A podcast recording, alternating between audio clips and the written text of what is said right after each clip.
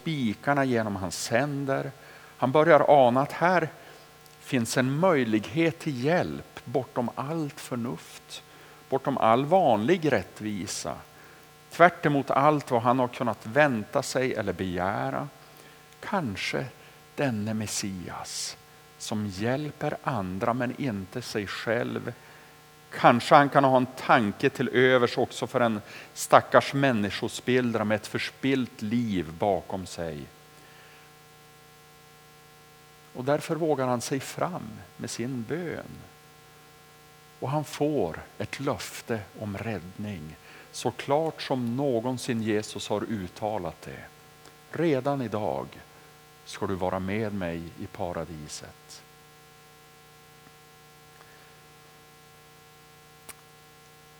Sedan kommer tre dramatiska timmar. Obarmhärtigt långa för någon som hänger uppspikad på ett kors. Solen förmörkas. Det enorma förhänget i templet brister mitt i tu. Om detta finns mycket att säga, men jag vill bara stanna upp inför de ord som Jesus säger när han dör.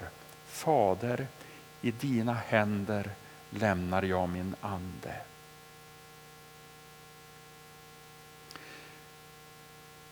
Jesus visar vid många tillfällen att han lever i bön.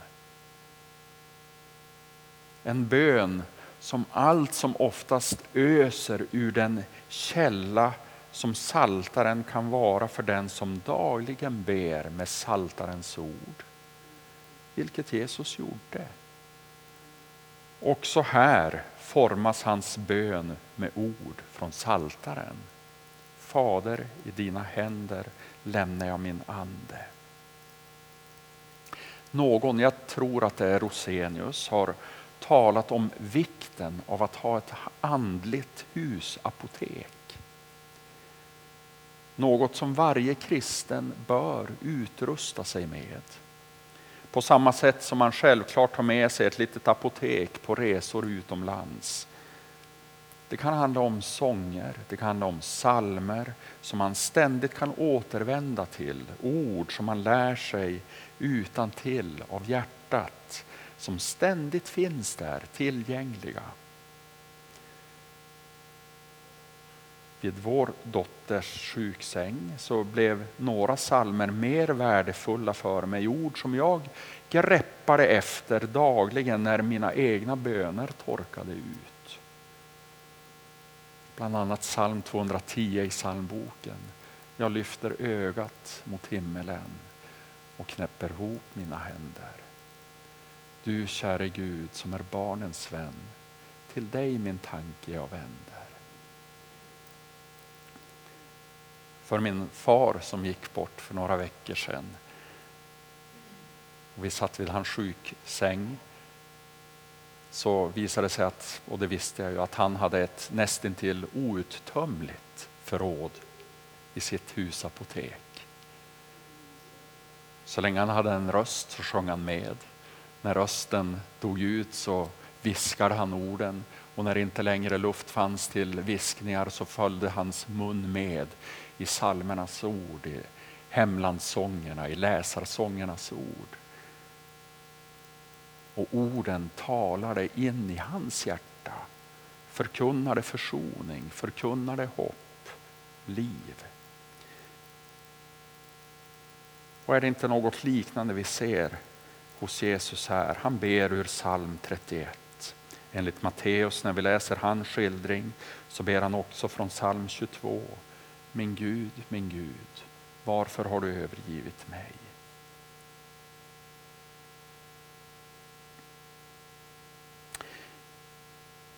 Efter Jesu död så avvecklas scenen för våra ögon.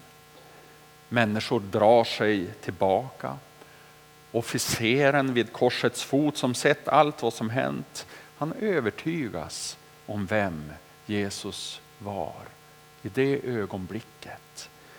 Och folkmassan som vi lärt känna som den som hånat och hetsat Pilatus till dödsdomen går nu därifrån och inte heller de går oberörda ser vi. De slog med händerna mot bröstet.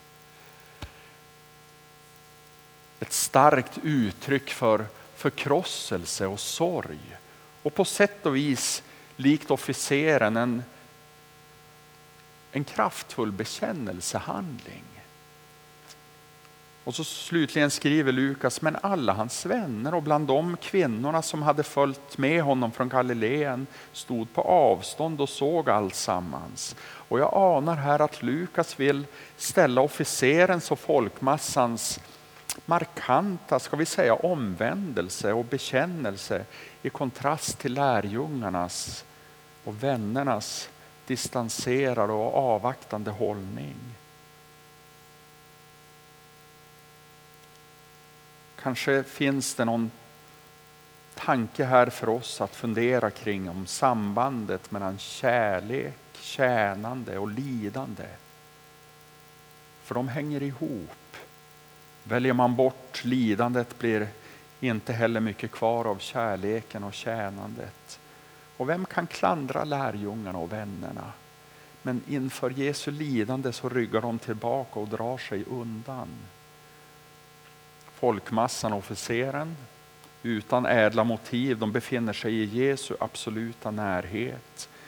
Och när hans lidande kulminerar, då blir också beviset för hans kärlek, tjänande, lidande kärlek överväldigande och de kan inte annat än kapitulera inför den. Det sker när vi kommer riktigt nära Jesu kors nära hans lidande. För det är också där vi överväldigas av hans kärlek.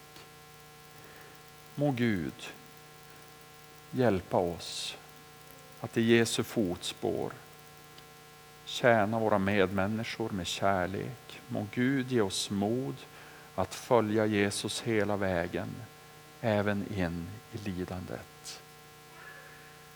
Amen.